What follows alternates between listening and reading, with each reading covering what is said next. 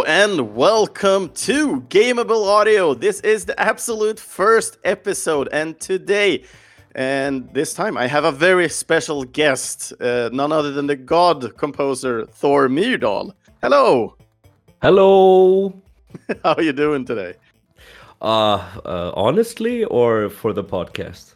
Uh, for the podcast, I guess best. no, I'm doing pretty good. It was a long day already, a lot of work.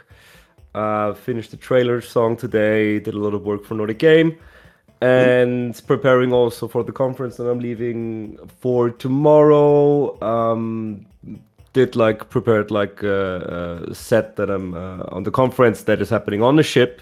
Uh, prepared a set uh, with a band like I said, true professional um, singing completely with backing tracks my band performance and not with the real bands, you know, like true professionals sing playback, right? Um, ah, it's more like a fun thing there on the ship during the party. But uh, yeah, uh, been a lot of work today. Um, but yeah, so far so good. The third last thing for me to do today before I go to sleep so I'm very excited to be here and thank you for having me, Chris. That's awesome. But you're you're a very special guest today, and just like I started out my Swedish pos- podcast Äntligen Spelmusik, uh, you're basically joining in today as a special guest because you were actually the one helping me out in setting up the jingles and the background music and also the the ending music as well. And it was That's so such a yeah, and it was such a special occasion uh, because I actually went down to you in Hamburg uh, and we sat down and we worked on it together basically. Well of course you yes. did all the work. I was just backseating the whole thing. But you said what do you want and what do you not want so. Exactly. Uh, it's a very so, rare occasion that i have a client actually sitting with me in the studio and advising me in real time. Usually it's forth and back and forth and back and forth and back. And a lot of adjustments and uh, you try a little bit to read your client's minds here and there mm. what they mean oh, the song needs to sound more blue. what is blue? no, I'm and just kidding here. And not at the same time. Every audio professional hearing this will just laugh at this moment and be like, oh, I know this. I know. We I've been talking to a lot of co- different composers who basically tell me the told me the same story as well. Uh, sometimes yeah. it's really hard understanding the clients as well. Same story, different colors. exactly, exactly. So basically today, um, since you have been working on on a little bit of, of composition for video game music, but none of these has basically been released as of yet, and we are I mean, unable to to talk about it in in that sense. So we're basically going to go in today and talk more generally uh, about uh, com composition and and the business side of of being a composer. Yes. Yeah, the, the the recent stuff is not released and under NDA, so it's it's difficult to talk about what we're mm. working on on like for the for the last year and a half.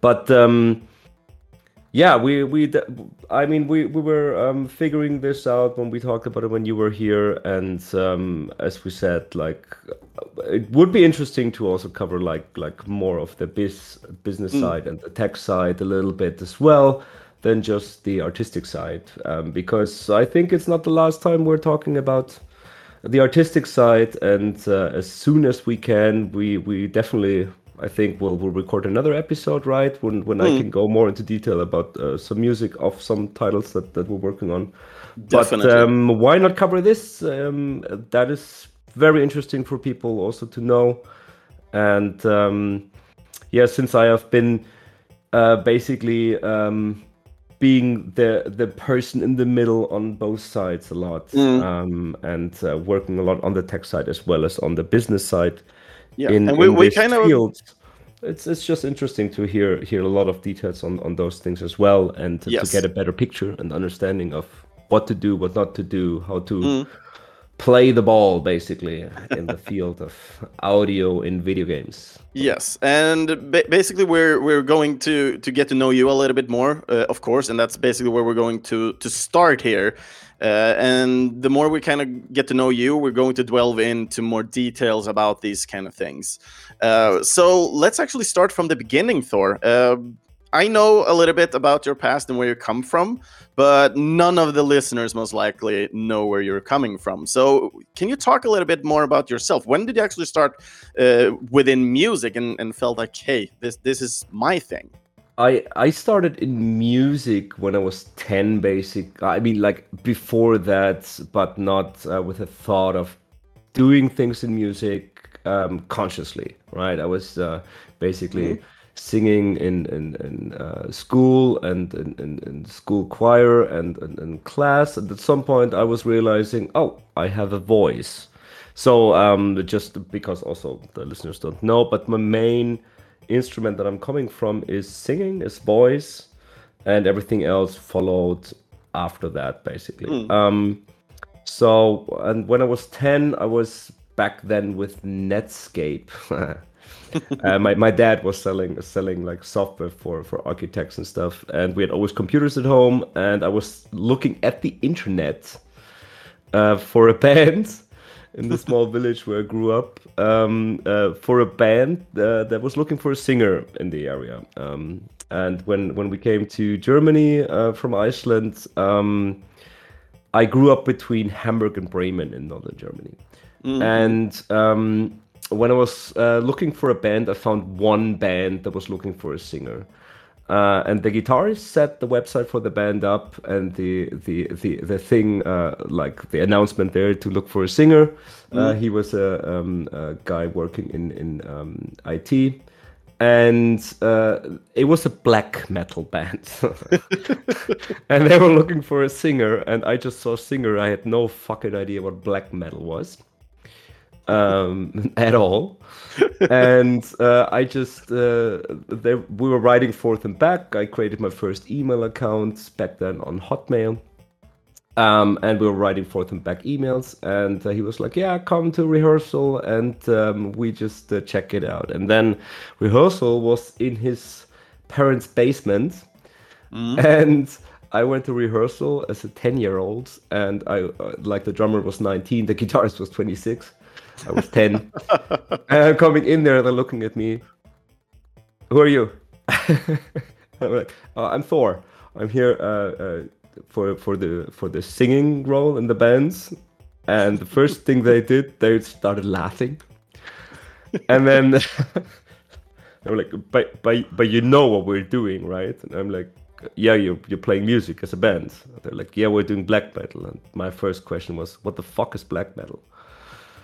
Back then, not with the fuck, but basically, what is black metal? And then they were showing me bands and uh, black metal as everything who doesn't know what black metal is. Black metal, uh, like we talk about the 90s Norwegian black metal, which is just sounds like shit and it's just screaming, high pitched. Right. And they showed me bands like that and they were like, Can you sing like that? And I was like, If you give me a half a year, I can sing like that and but, yes i could after half a year sing like that. And since then i'm basically singing. And mm. um, yeah i have nowadays my 23rd bands. That's a so, lot of bands. yeah i uh, during school time i had four or five bands at the same time. We like in the area just three singers and basically all sharing the bands there. Um, but um, yeah this is how i basically started in music. And then like a year later, I uh, my parents had a piano at home, and I was just sitting down at the piano and started um, working with the songs and, and writing down like like um, the melodies and stuff that I was singing. Because even if you're singing guttural, like distorted singing, you're still singing a melody.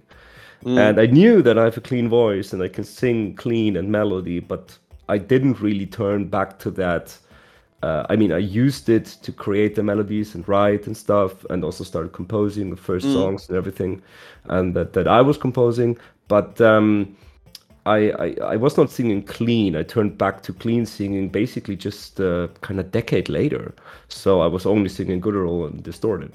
But I was always composing um, and writing just melodies, songs, um, small fragments, and then um, just piled up and turned into more and more stuff and i've like worked long time in the beginning just on it was all just rock and metal music basically mm-hmm. and always classical music um, because kind of in my brain i heard music as more like as an full orchestral layout, so to say, without really being orchestra. It's just mm. it was just like a natural way of, of for me, like like hearing the the full arrangement of songs. And uh, then I was um yeah, just just writing always the the first on on paper like like uh, just uh, note paper and um uh, with a with a pen just writing everything down. And at some point I turned to software. Mm. and I used a computer because it was just more convenient to do that. And so I was always composing like every day. I was basically going to school and you know writing music and playing video games that was basically and and performing and rehearsing with a band and everything i literally had every day rehearsal with with one band sometimes mm. like three or four rehearsals at one day and That's just insane. writing music and singing and performing and playing live and everything and then at some point i was like okay I wrote so much music and I was turning um, my interest towards like um, digital instruments and sample libraries and software, MIDI, and all this kind of stuff, just to create demos more easily, mm. um, uh, to kind of carve out the songs better and stuff. It was all shit back then, honestly, like sample libraries and stuff. And I, I, still write in general MIDI. Uh, for me, it's I, I always say if a song works in general MIDI, technically, if it's just the typical general MIDI sound you know from whatever sound, right? It mm. sounds like crap.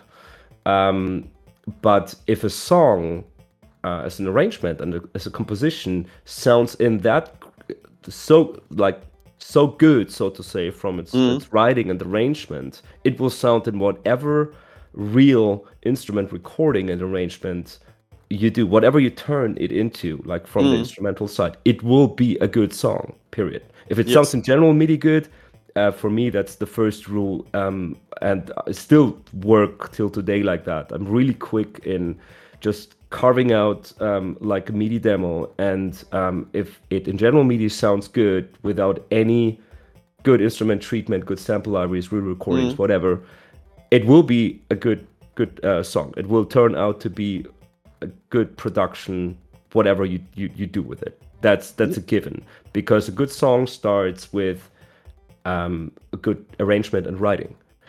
And um, it doesn't matter what context it needs to have, right? If it's if it's a metal track, a rock track, pop music, electronic music. I mean, electronic mm. music is more tricky because more technical fiddling around to to carve out the right sound.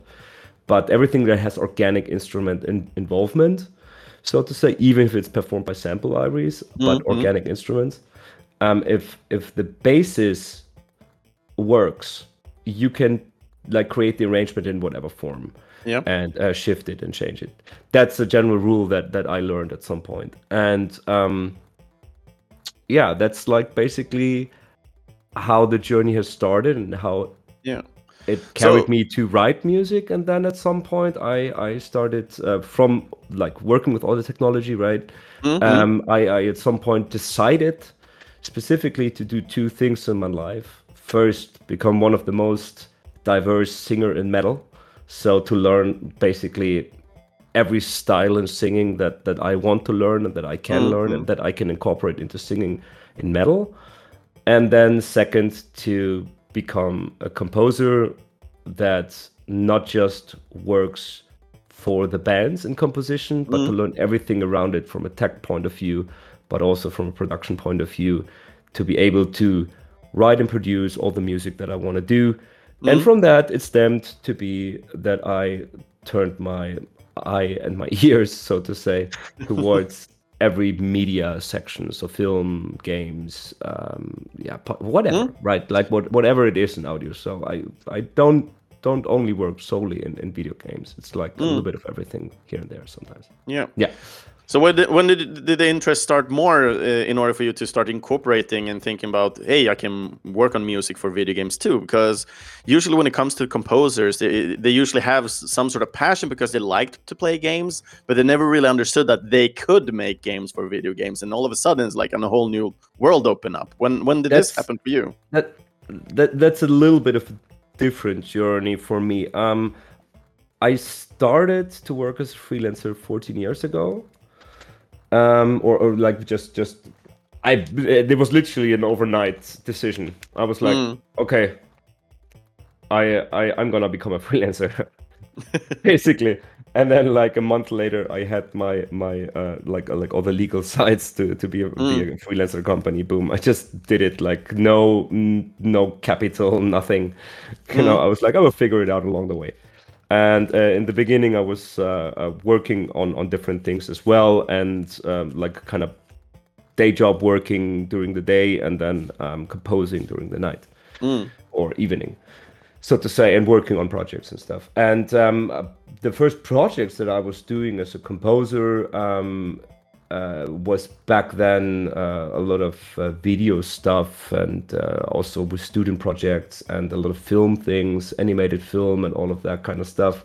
Mm-hmm. And then um, I um, just started to go to game jams basically um, because I, I wanted to not only because my interest in sound design grew as well and I wanted to uh, try to understand sound design and mm-hmm. I was just um, uh, thinking about where could I do sound design because I hate doing things that has no no purpose or outcome and just wasting time on something and just grabbing a trailer and re-sound design it. I, I think it's stupid. It's a mm-hmm. good way to mm-hmm. learn things and to try your own way and try to recreate stuff and uh, like R and D basically, right? Research and development to like develop your skills, but mm-hmm. it doesn't lead anywhere. And I was like, how can I combine the learning? Um, of, of a new field with uh, doing something productive with other people together because you need to work in a team, right? You need to yeah. work with other people in other departments. And then I was just going to game jams in the beginning. Okay. And um, this is where I met. Um, uh, bec- I mean, game jams was not per se the reason why I went there was not per se to join into the video games industry, but mm. I had a composer friend um, or just a friend from the industry who was going to a game jam and he was like, Hey, I'm going to this game jam. You were interested in sound design. There's a lot of people doing sound design there as well for video games. Why, why not joining? And then we work on a project together in sound design. And, um, you know, he was also new into sound design. And mm-hmm. then uh, we just see what we can do there. And, uh, you know, we're working on something productive. We're doing something with other people together, working a team uh, under a 48 hours deadline and um, it's not for nothing. We're not wasting our time. We're literally building something and then but we can also not do anything really wrong. Mm. so i was like hey yeah sounds like a good idea. Uh, let's go. And this is how i got in touch with the video games industry. I'm a gamer since forever.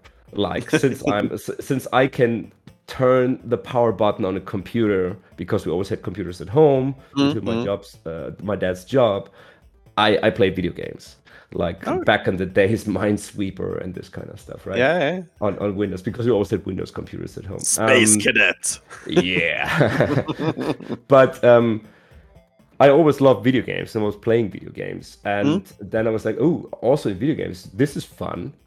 And then um, at the game jam, I, I met a few people and um, yeah, like after after a while, um, they were basically, hey, we are um, doing more projects and we're doing student project and uh, mm-hmm. we need someone for sound design and music. Uh, would you like to join us? And I was like, sure, why not?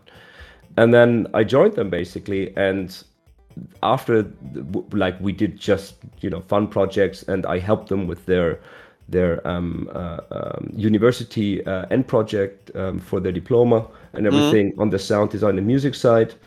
And um, then um, they built a company right after after their university and uh, founded their indie company. And I was at that point in time looking for a new place to to um, uh, basically have my my studio in. Mm-hmm and then I was because I was till then just having my studio at home, and I was like, okay, this is kind of not working. I'm kind of never leaving. Yeah. Um, I I want to like kind of seclude that and and uh, um, extract that from from from uh, basically my my flat. And then mm. um, I said they were like, hey, we have more space than we need do you want to put your studio into our office basically as well and have your own area in the office and have your studio here um, uh, because i was talking with them about it and i was like yeah sounds like a good plan and then i was basically the in-house audio studio in their in, in their office and doing all the audio work on their their stuff. And then um, they were completely focusing we're talking 2012 13 right? Mhm. on they were completely focusing on ar and vr stuff. I did my first sound design project in 2011 on on a vr uh, film project Mhm. uh, this was completely wasteland. There was nothing there. Like this, it was a very small community in Yeah. Hamburg that was doing VR and AR stuff, and this was basically my first touching point with real development on um, uh, video games, and that's straight in VR. And back then in Unreal, we created basically recreated the audio system because it was shit Mhm. um, and it didn't work. And then the CEO of the company, who was also the main coder, he's a little bit of a genius. Um, I get, I, I explained him what I need in, in things to to work um, uh, in in the game engine with audio, and then Yeah. he re- cre- recreated a lot of blueprints and everything in Unreal, and then built like an own system. And we sent that entire thing to to Epic as well, and said, hey, maybe this is the way how an audio engine could work, like how audio people could work Mhm. with it, and I think like a year later they they um, rebuilt the entire audio framework and everything. That is And awesome. th- there, were there, there was a lot of small ideas and stuff that that we just sent.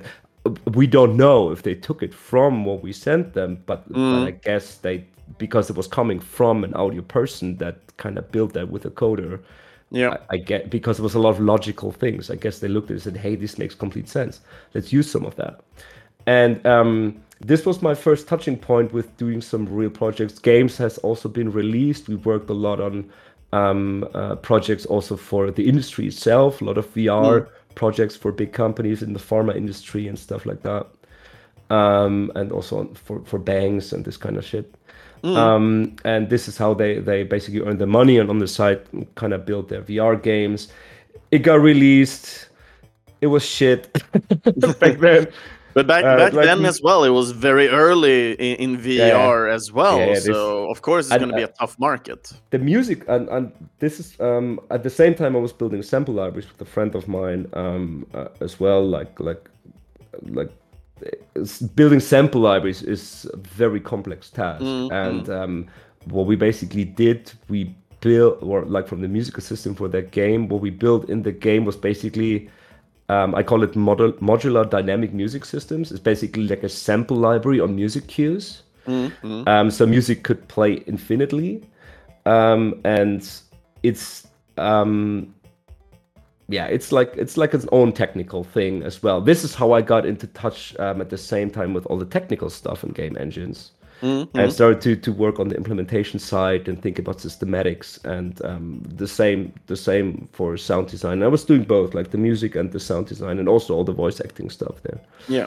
And uh, yeah, this is basically um, when I had the first um, real interaction with the video games industry on product basis that has been also released and has been shipped and this kind of stuff. Mm. So um, yeah, we, that's 2012, 2013, um, and I think the game was released 14, if I'm not mistaken Mhm. the first one. Um, and that was basically um, the first time I worked on um, like a real video games product, Mm, mm. not just game jam stuff and not just experimenting. And Yeah. then took all the learning of uh, since I was 10 and mixing and you know editing, mastering, composing, all this kind of stuff. Took all that learning and knowledge into um, the video game stuff and uh, tried to kind of kind of um, tip it over to video game engines and Yeah. um, all the audio work there, which works of course because it's the same framework kind of from the knowledge, but um, then you come to implementation and code and, and elements. You need to think entirely different in audio uh, because usually you're thinking linear in audio, which you are not in games anymore at all. So yeah, this is kind of like uh, how I got into touch with uh, video games and Yeah, video game sound and audio. And that, that is awesome. Uh, for me myself, I mean, we've been, we've been knowing each other for, for quite some time now. Uh, I think the first time I ever kind of got in connection with your name, I think it was around 2018, 2019, uh, and this was in in connection to Nordic Game, uh, which you also are a part of now. Yes. Um, but the main reason why I got in contact with it there was because I was interested in, in finding more composers, and you were one of the composers who were also uh, holding this uh, uh, composer panel uh, at Nordic yes, Game. same where- game, different music. That's. Exactly. and I, I really find this kind of, of um, composer part and especially this panel really interesting like you said it, it's it's different composers different styles uh, but it's it, it is the same type of trailer that you bring to this panel. And then you basically talk about the different strategies everybody because from what i understood with these ones everybody's just getting a, a- soundless trailer in the beginning and Yeah. they do their own uh, music for this trailer. And since there we have four different composers none of them well theoretically now they everybody knows each other and they might have the red thread of knowing you. Uh, but other than that they all have their own style. They also have their own kind of engagement and, and understanding of, of how to make music. So it's Yeah. super interesting in this part. Uh, but you have held this uh, composer panel for quite some time from what i understand Um, so so to like okay, first of all, um, I have not been coming up with the same game, different music panel. That has been um, invented, so to say, by Arnold Nesis, good Mhm. friend of also a composer colleague from from uh, Israel, and um, Arnold uh, came up with that idea. Um, bef- I, I think I joined the first one at Nordic Game if I'm not mistaken, um, or it might be one time before at Nordic Game. Mm. But the first time um, we were doing this at Nordic Game was 15 or 16. I can't Mhm. remember exactly which year it was. Um, uh, but Arnold had this idea of taking taking a trailer um, without any any music. Sometimes we have if there's no sound design layer. Usually, um, at least I uh, like to do this nowadays, and we we have been doing that before. If there was no original audio, we create like a sound design layer because it makes it a little bit easier sometimes um, uh, to compose if you have some form of sound design reference as well to to know where to leave dips and like to create tension and this kind of stuff Mm, mm. but um, uh, usually it's it's just a trailer. We don't get any information about the game itself other than the trailer. Usually, we we um, usually also don't. I mean, it's usually in the trailer, so you know the company name. But um, the composers also don't go and do any research on that or whatever. And what we uh, grab is an unreleased game and an unreleased trailer um, Mm. where there is barely information about the video game. Um, we do that so that there's two reasons behind that. Reason number one is the composer solely reacts on what he's or she is seeing, Mm. right on on the video. So um, it doesn't really conflict with any additional knowledge that you can read up, whatever. So you you should Mm. completely react on the video. And the other reason is um, we do that also to give uh, uh, like a small, and it's, it's usually an indie game we pick, um, to give an indie game that um, uh, just could also need a little bit of more help uh, in visibility and push, um, just to, to introduce that to the games industry and to the games community. Mm, mm. Um, that's the reason why we also pick something unreleased and something indie. And um, the interesting part about that is um, you can take whatever composer, it doesn't really matter um, how experienced or inexperienced the composer is or what kind of style, even if two composers are often associated with a very similar style in writing music, Mm. the results are usually very, very different. Mm, And that's mm. the interesting part because everyone else interprets different if they only see a video. And Yeah. um, the interesting part about that is as well um, well, how we um, hold that panel is usually everyone writes their version. And um, what I in the in the last um, let's say three or four years, what what what I do when I um, I usually collect all the versions, and then I give everyone uh, a quick mastering, so everything is balanced the same way, so to say, mm, same loudness, um, same bass management, this kind of stuff. So there's no um, uh, um, you know masking by different loudnesses, mm, this kind of stuff. But we completely focus on the on the um, creative process and then the creative choices and this kind of stuff. And it's not like something that down to mixing sounds better or worse. mm, mm. so that's what i what i like to do. So um, so with um, this panel what is the like the core goal of this? Of course it's the, a panel so usually yeah. the audience comes in and listen to it and listen to to the panel talk about the subject the the core goal is we we introduce all the different versions and uh, we talk about the differences and the approaches. And um, the core learning from doing this for many years now um, is um, that we usually talk about um, the uh, a lot about the emotional flow of mm-hmm. um, the the music. Okay, um, why did you do that? What was your uh, choice making? What was your inspiration? What triggered you to um, uh, write it that way or that way.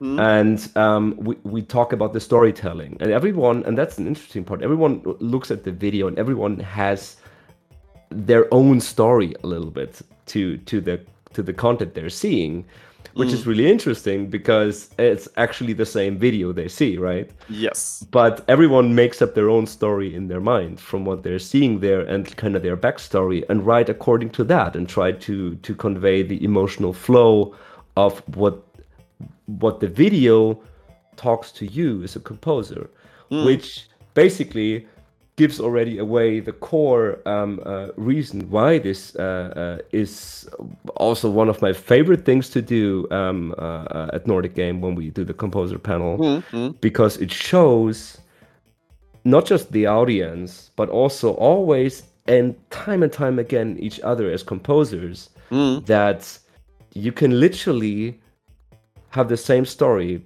but every single human being is interpret every experience slightly different. Yeah.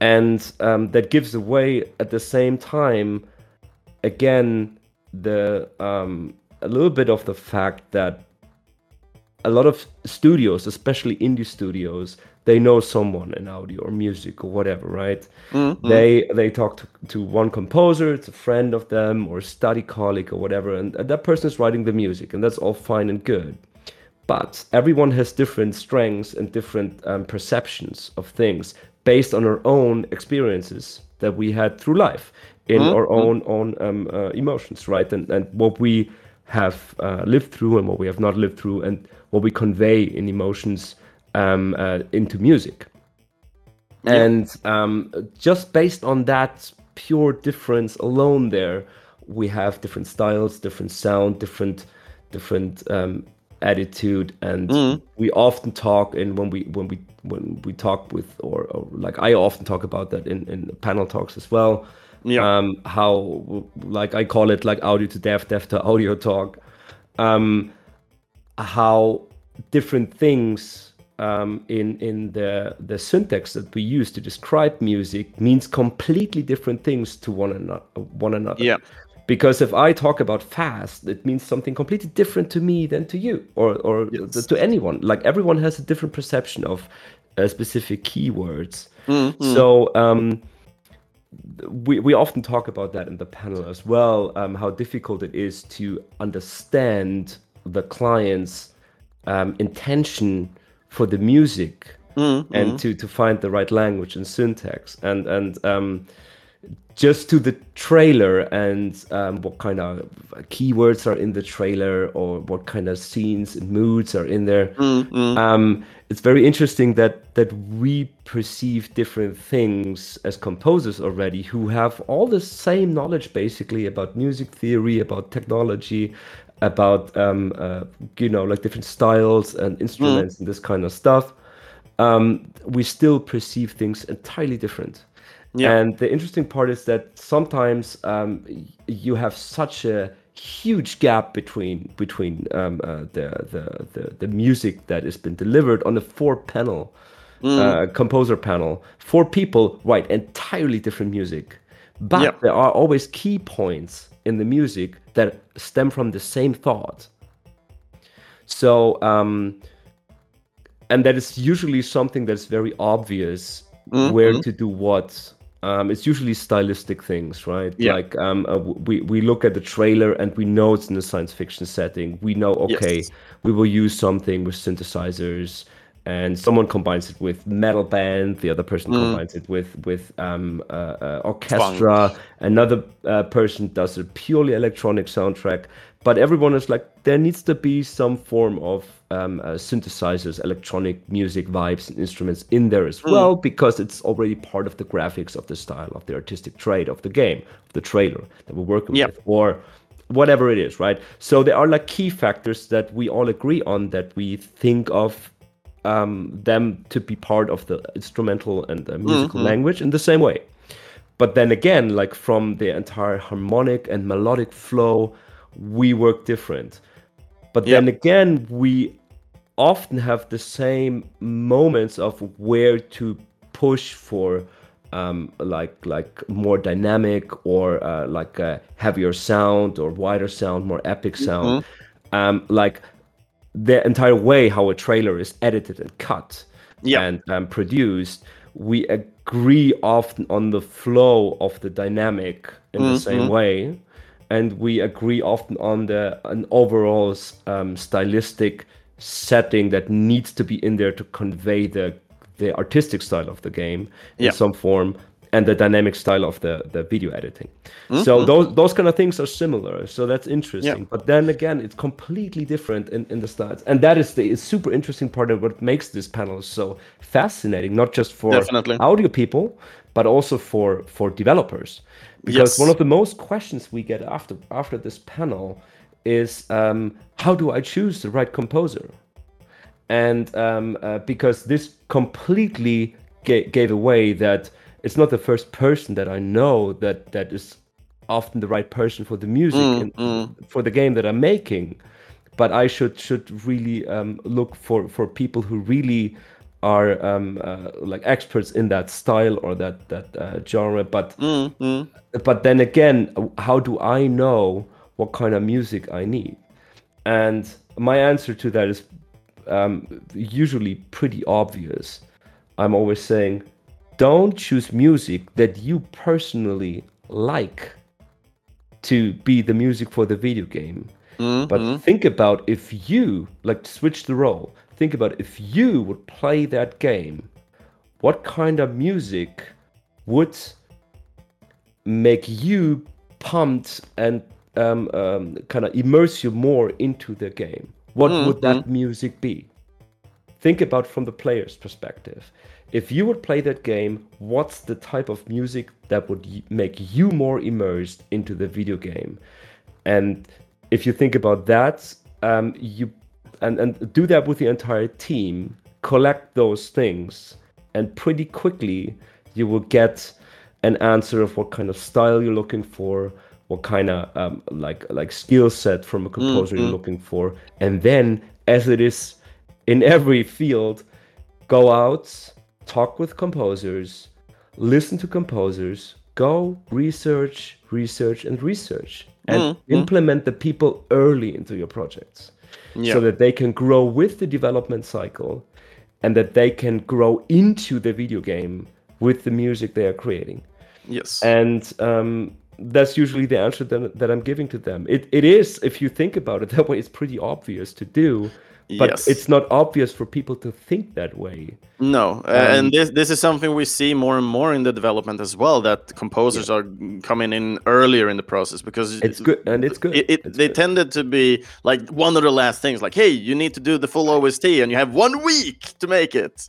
they tend to be the last thing before marketing department hits. Yeah.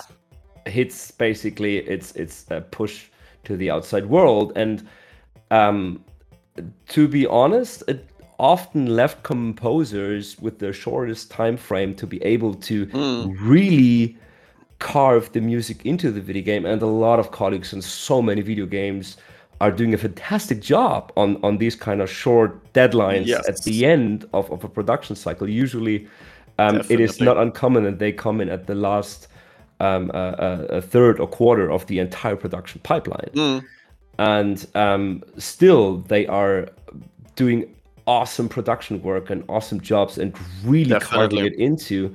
But it leaves composers also very sweating and very uh, stressed out sometimes. Yes. And, and uh, like I talk with many colleagues and a lot of colleagues after a project where they need to deliver for a few weeks like maniacs to to get the job done Yeah. um, it leaves them afterwards completely burned out. Yes. So um, if if you like that that is not healthy from a work work ethic perspective as well, No, and definitely from, not, from no. a healthcare perspective. But at the same time, you will always end up with better results if you implement composers early. They don't need Mm. to deliver early a lot of music and stuff, but they are growing. They're part of meetings. They're part of the development cycles. Mm-hmm. They get the the um, uh, switch of thoughts from features in video games and all this kind of stuff, right? They grow Yes. with the art style, and they can slowly build up and really carve the music into the video game. And and Mm. um, yeah, as a composer, you need to be able to talk to every single department. As a sound designer, even more. But to be- to be able to talk to every single department, understand their language. Yeah. And the earlier you implement composers into your production cycles, the more they talk with the rest of the production team, the more they understand their work field, and the more they can um, be part of the entire pipeline. So that's that's one of the things um, that that we always talk about also on these on those panels because they sometimes also get technical and um, production uh, technical, so to say. Um, and that is that is one of the good things about it um, about the panel. It's not just purely about the artistic side. Um, it- Yeah. It's a little bit of everything here and there um, in in the audio world, and uh, that that makes it really interesting and, and fun for for non audio people to sit there and listen. And for a lot of people, um, it's one of the most favorite things to do uh, at Nordic Game to come to the composer panel and and watch that for an hour. Mm. No, I can definitely agree. It's one of my favorite ones uh, when I started noticing this as well, especially now with the podcast and everything. So, highly recommend it for everybody who's interested in this kind of thing. Though Nordic Game is not really like this open wide, wide conference for everybody. It's mostly for uh, people in in in uh, in the business, basically. Yes, but other conferences started to copy them. They asked specifically if I could advise how to, how to off and how it's been done, and I'm always happy to give that uh, to to other people as well Yeah. and conferences, and they uh, are always happy. Um, they even asked me if I would come and moderate it and uh, Mm. just form it there for them, and I'm always happy to do that because you know it, it can never hurt. can never hurt no uh, we are getting uh, less and less time the more we talk about uh, this as well so we're we're Hey, getting you are the one the that came late. You know, I have time. Uh, Can- can- I have more beer. I, I I know we can talk about this for like three four hours without any worries but we gotta draw the line somewhere right Yeah, yeah, of course. But what, one thing I'm, I'm interested in, since you've been working on the panel for such a long time, and we, we want to talk more about the, the generic aspect of, of composition as well. Um, co- considering the panel you've been, been doing year after year now, have you seen any differences in, in how, how we react to music as well? Uh, as you lately were talking a little bit more about emotion, for example. Uh, we see a lot of development within uh, certain areas within game development, but have you seen any obvious uh, developments within composition. Um, not composition per se. Um, uh, composition um, has uh, has been always the same job. Mm. I mean, um, I always describe it like that. Our job as composers is not to write music. Mm, That's mm. just our syntax. At the end of uh, uh, like the end of the day, that's literally just our syntax. Um, Yes. our job is actually to write the emotional story behind the story and glue um, the the uh, storytelling, the sound design, and the worlds and the characters with music together. We are basically the glue between all those things. Um, um, like from a from a, we we talk purely about narrative point of view here, right? In a video game, um, but also um, the music has the power to drive you further into a specific emotion that developer wants you to go into while you're playing. So to to to get um, a little bit nervous because you already start, uh, you know, you let's say you you're you're playing. Um, like uh, like a, um, a, RPG and you're going towards a boss and the uh, let, us take Doom as an example. Doom is a yeah. perfect example, right? You're you're coming into a room and, and you already hear in the in the music how it's been cued. Okay, shit is gonna hit the fans very mm. quickly, and like without you knowing it, uh, if you don't really um, uh, um, uh, pay attention to it, your pulse is starting to go up Yes. So music has the power to drive you into a certain emotion that you're supposed to feel that is underlining the the the things that are going to happen in a bit. Mm. So it's like taking a little bit um, uh, uh, pre ahead, preparing you for what's going to come.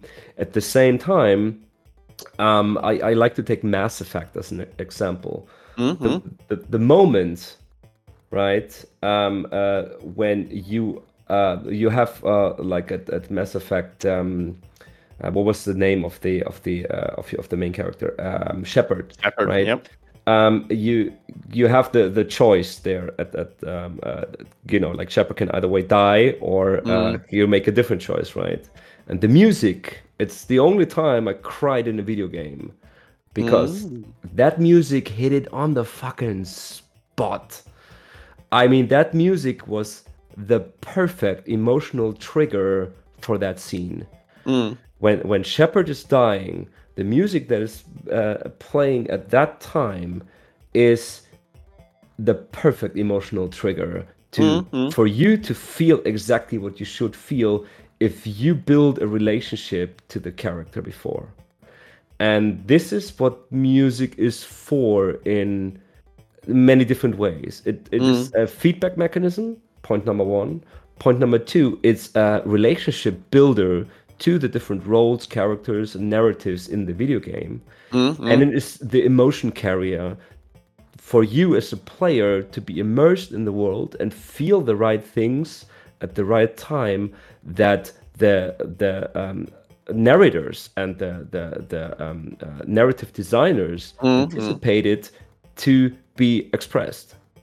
That is the job at the end of the day to write that yes. in sound, to write the emotional story and and the emotional story between the lines in music context. Mm. And that is working with the sound design in conjunction. So music and sound design like composers and sound designers are also talking a lot with each other and usually if it's a bigger team bigger production company you have an yeah. art director who's taking care of all of them and then voice acting comes on top as well and that is the other thing. You're never um, you're never the canvas. You're one stroke at the entire canvas. And mm-hmm. um, that is the other important thing.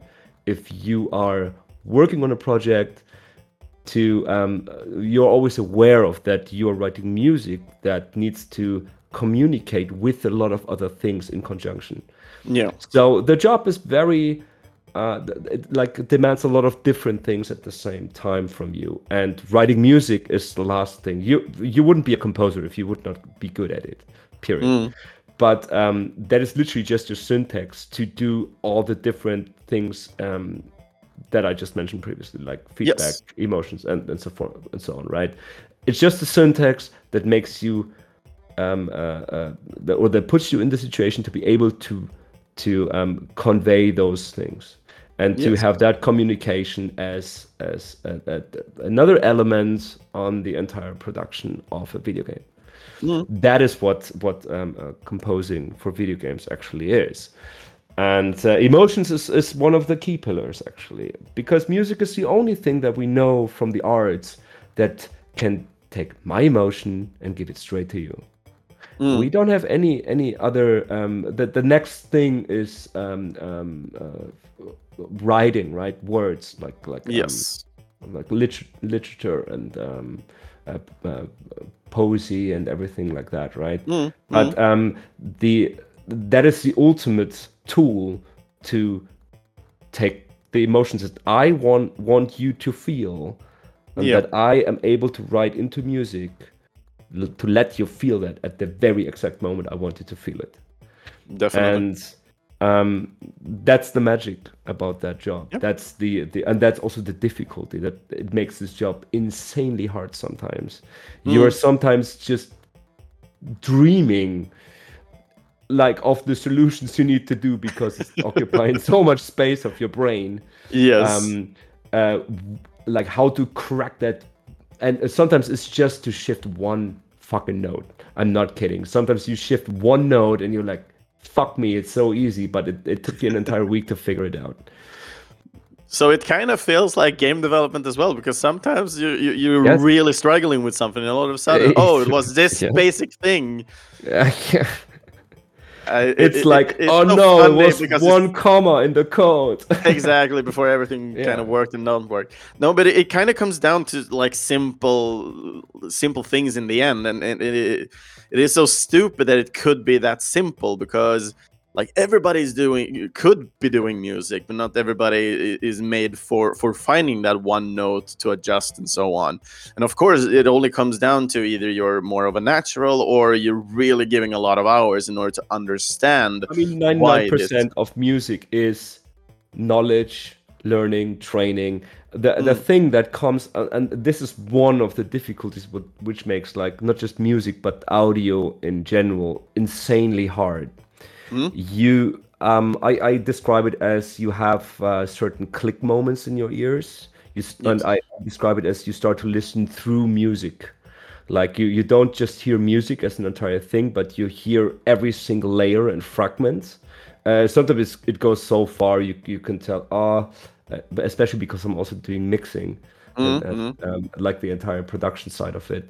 Um, sometimes you're like um I, I need like a little bit less compression. Like this is crushing it just on that area and the high end or whatever. So you're, you're completely listening to the entire music and you're not just hearing music as the music as a final result product. You're Yeah. hearing every single nuance facet in the entire sound and it, it, this is like what I mean with your ears are getting these click moments at some point, and this is what makes it also so difficult because um, you can start writing music and every single piece of music is new and individual. It's um, yes the same basic rules applies like from a technical point of view but there's so many different um, uh, vectors basically that control your narrative of how you shape and form the music besides what you actually need to do on the narrative. Um, you have so many different factors that you need to consider and take into into account while writing music that it all comes down to training and experience and knowledge.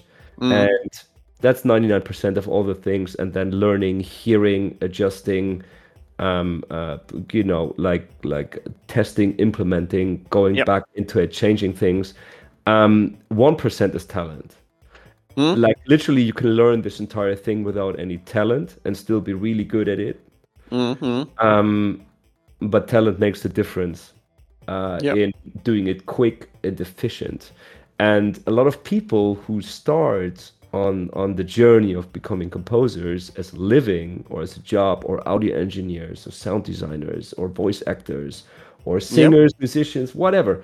Everything within the audio field. A lot of people start and especially um, but this already counts already for the last 15 years. You need a decade i usually say you need around a decade. And just from a hearing point of view your ears have this click moment mm you need to have made enough errors and spent enough time um, with the material so you start to hear all those nuances and through it that also help you in composing and writing you need to Mhm. learn all the different voicings of every you need to literally know how every single instrument works you need to study those things and like, grind Mhm. yourself into it and have that commitment and discipline and passion to do that and it's not getting boring and um to learn all the technology technology all this kind of Mm, stuff mm. you you cannot get away with just writing music nowadays you need to know all the tech stuff as well this all comes with it you need to be able to understand middleware um, uh, game engines to be able to also think about how do i create a soundtrack for a video game Yeah. And um, besides all the audio technology to learn as well. And Mhm. the thing is, a lot of people give up very early um, because they don't see results that um, uh, really hit it after two or three years. Mm. But you, you you just need enough time spend on it and work with it Keep pushing. um, to be able to to to convey it into um, uh, a competitive skill set on the Yep. market because there is a lot of people who are really good at it because they're playing half of their life already instruments and they already start to develop those ears Mhm. and they they are already working with audio technology and then like adapting it to video games technology is very easy someone who's starting very fresh from nothing and wants to go into into game audio they need a certain amount of time to just get into the the purely the tech side of it alone yeah. besides being being like having written any single piece just to learn the technology it's like a huge wall of knowledge you need to just um, accustom before you you literally make those jobs and and, and get like good good uh, quality audio jobs to pay well Mm. and um, so my my advice for that is just start early do it on the side have fun enjoy it and um, at some point if you Go to okay, game this is- jams. yeah go to game jams just just start and don't like like you know get the discipline up be eager to do it like do the boring annoying shit and all this kind of Mm. stuff you know all this meaty work and and um, all the parameters and, and learn all this shit. And uh, build slowly up and uh, at some point you're like hey I, I have the technology stack up.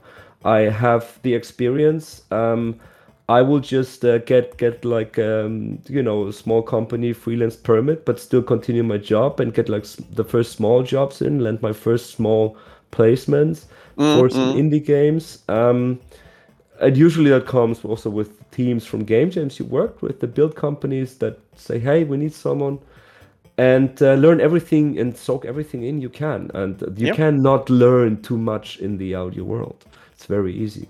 And take every new. tool you have on hand and uh, embrace it.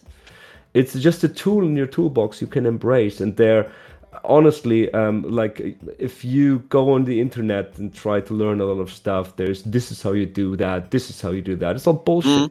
There is no this is how you do something. It's all context based it's all like whatever works. The only rule that is really true is the only thing that matters is the end result. And does it sound to the context as good as it should sound and as competitive as it should sound?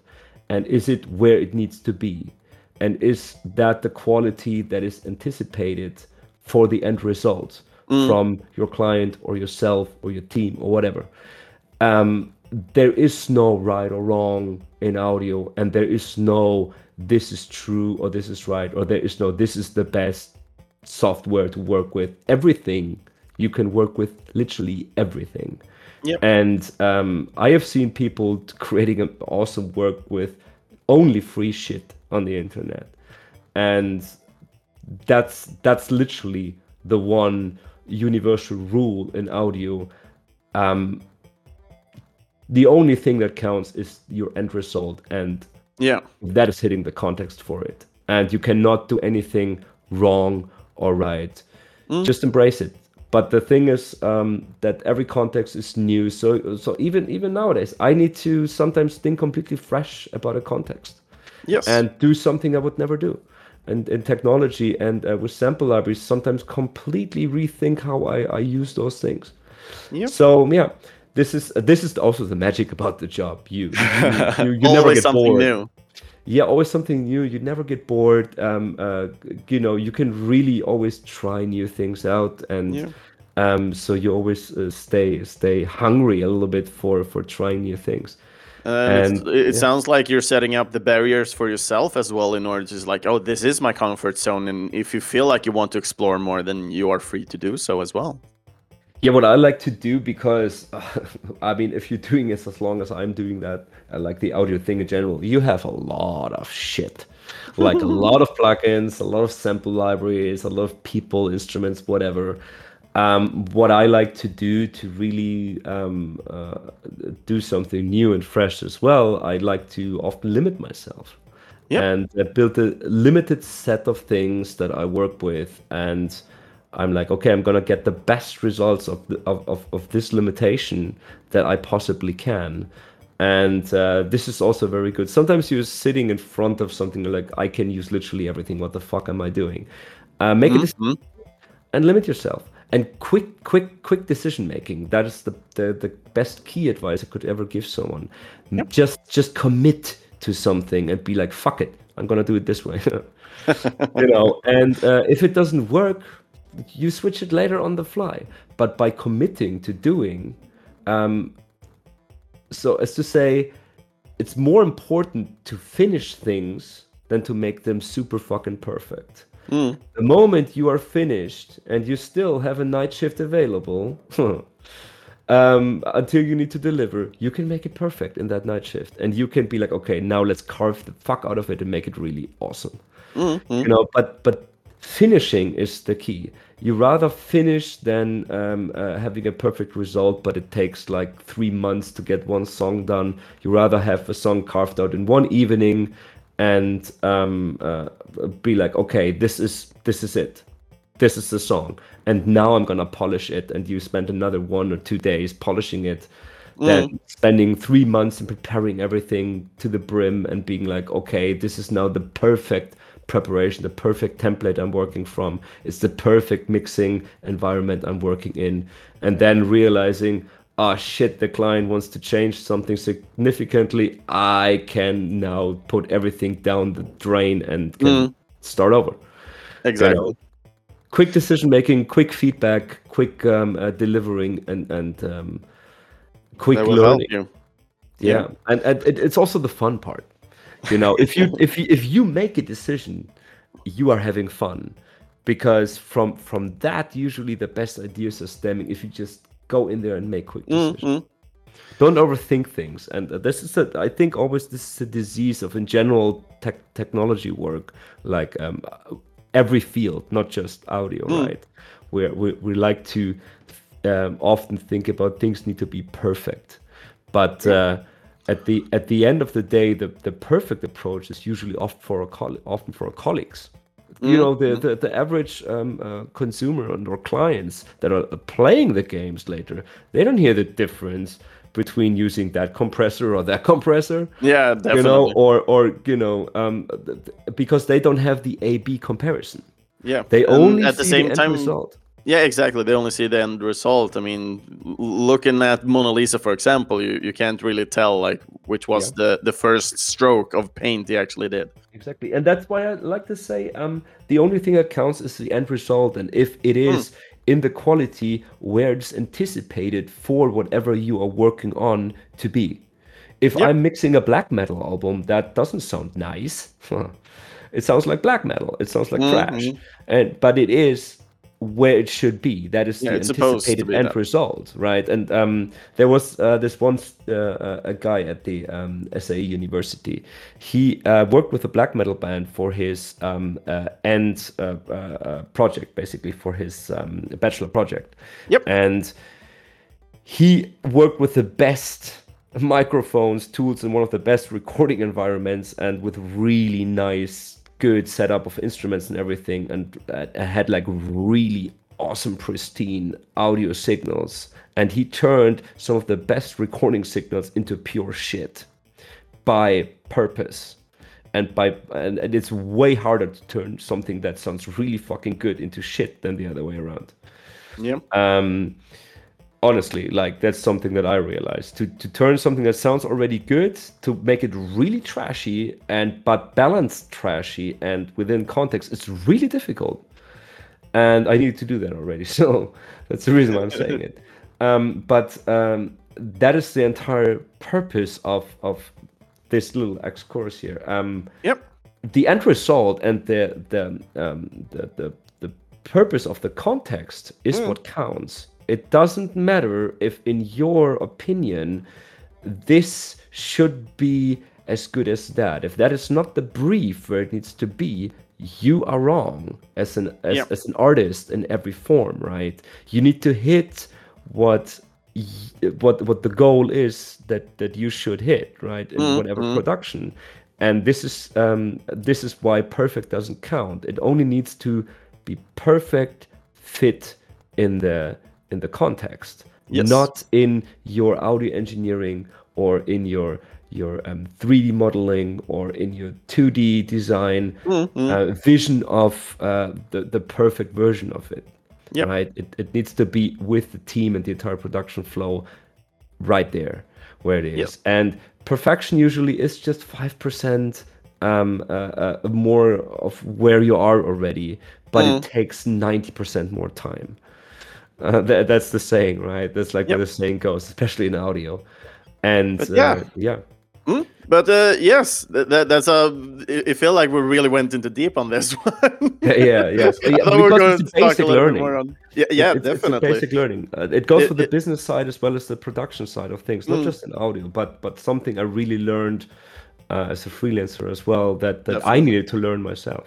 Yeah. Like, So on- it's, on- like it's really nice to have have that just said as well because I don't think we openly talk about this that much. So we're usually only seeing the re- end result, and we we feel like oh, it's super easy to make something really good. And as you said, there's a lot of times where only those last percentage to get it perfect are the ones that are most time consuming.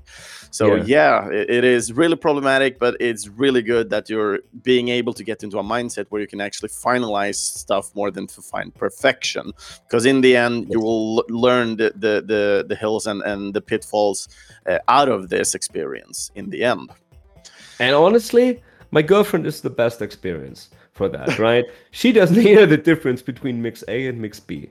yeah, And the on- uh, like like uh, and sometimes it's just a little bit of tweaking on EQs and everything, and uh, then she's always bluntly honest, and I show Mm. her version.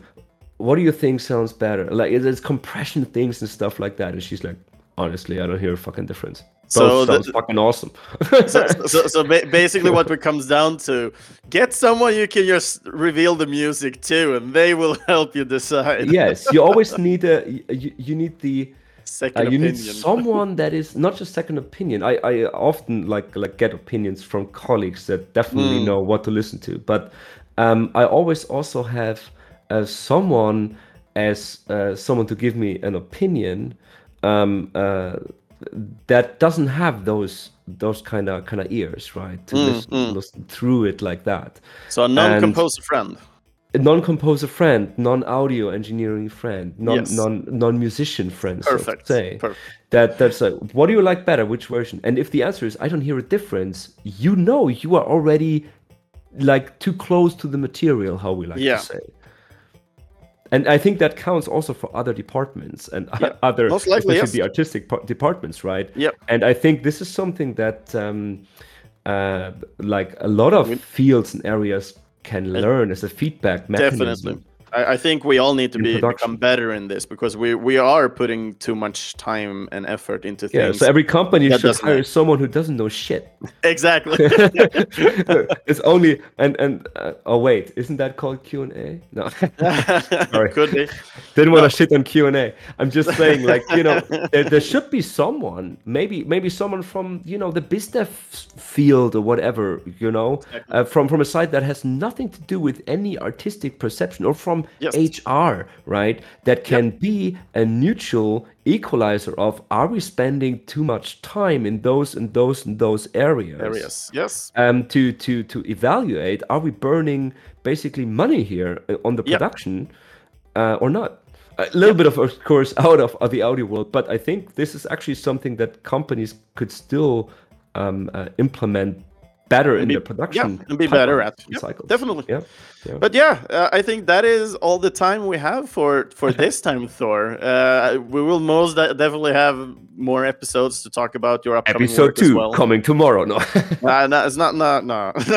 no tomorrow i'm on the ship Oh, So, okay. no no but yeah, so for people who find found you interesting uh, enough, is there any way for them to to contact you or or get to know you better through any social media or anything that uh, they can follow you on? yeah, just hit my name up on the internet, and every channel you will find there, you can take and reach out straight to me. It will always reach me personally. And Mm. if you haven't, because we haven't talked about that, but uh, if you haven't, go to whatever streaming platform or even YouTube and type in World of Sickness and give it a go if you want to hear me perform some metal as a vocalist, as a singer, and uh, enjoy some melodic death metal where I sing. uh, it is really good. Uh, I was uh, definitely enjoying it uh, during New Year's Eve in Berlin. And sometimes, if you're on um, a games conference where we might play, you maybe have the chance here and there to see us also perform live because sometimes we play at video game conferences. Definitely. And that was also me Nordic game last time, so oh, yeah. it was great. so I, I highly recommend. but yeah, for everybody else, uh, you can find all the other episodes of the the, the other podcast, Finally Game Music, uh, at our homepage, videospelsklubben.se. You will also find uh, this podcast at that point as well. You will find it on Spotify and also in your closest podcast apps. Uh, feel free to follow or comment any of our social medias, just either on Facebook or Instagram. Just search for Gameable Audio, which is our new hot branded podcast name. Oh. Uh, you can also uh, support this podcast uh, for the future content, for quality upgrades, and so on, but also in the end for future composers by becoming a Patreon.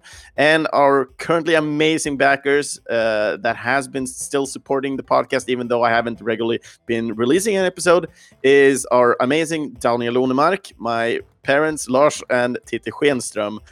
And yeah, that is it. Uh, links to where you can uh, to find Thor will be found in in the in the main post at videospelsklubben.se. And with that said, thank you so much, Thor, for joining in. And uh, thank you, Chris, for, the, for having me for the next episode, we're actually going to talk a little bit more about composition, but this time with your friend Flo, which is also yes. going to be an amazing uh, episode, most likely. No, it's definitely going to be. Trust me on this one. yes. So, with that said, uh, thank you yet again. And for everybody who's listening in on the podcast, thank you so much for giving your time to listen to my podcast. And I hope to be in your ear soon again. Have a good time, everybody. Also, for listening to my ramble, everyone. And uh, yeah, thank you. And don't forget to to you know you know all the shit like subscribe, like, and all the shit on on on the podcast. Share it and sharing it because you know Chris really interviews a lot of awesome people here from the from the not just video games music world but in general really interesting people and good stuff to discover definitely so yeah, do share, like. Uh, th- that's the best way for for the podcast to gain more more uh, followers and also share our love for video game music in the end. So with that said, goodbye. Goodbye.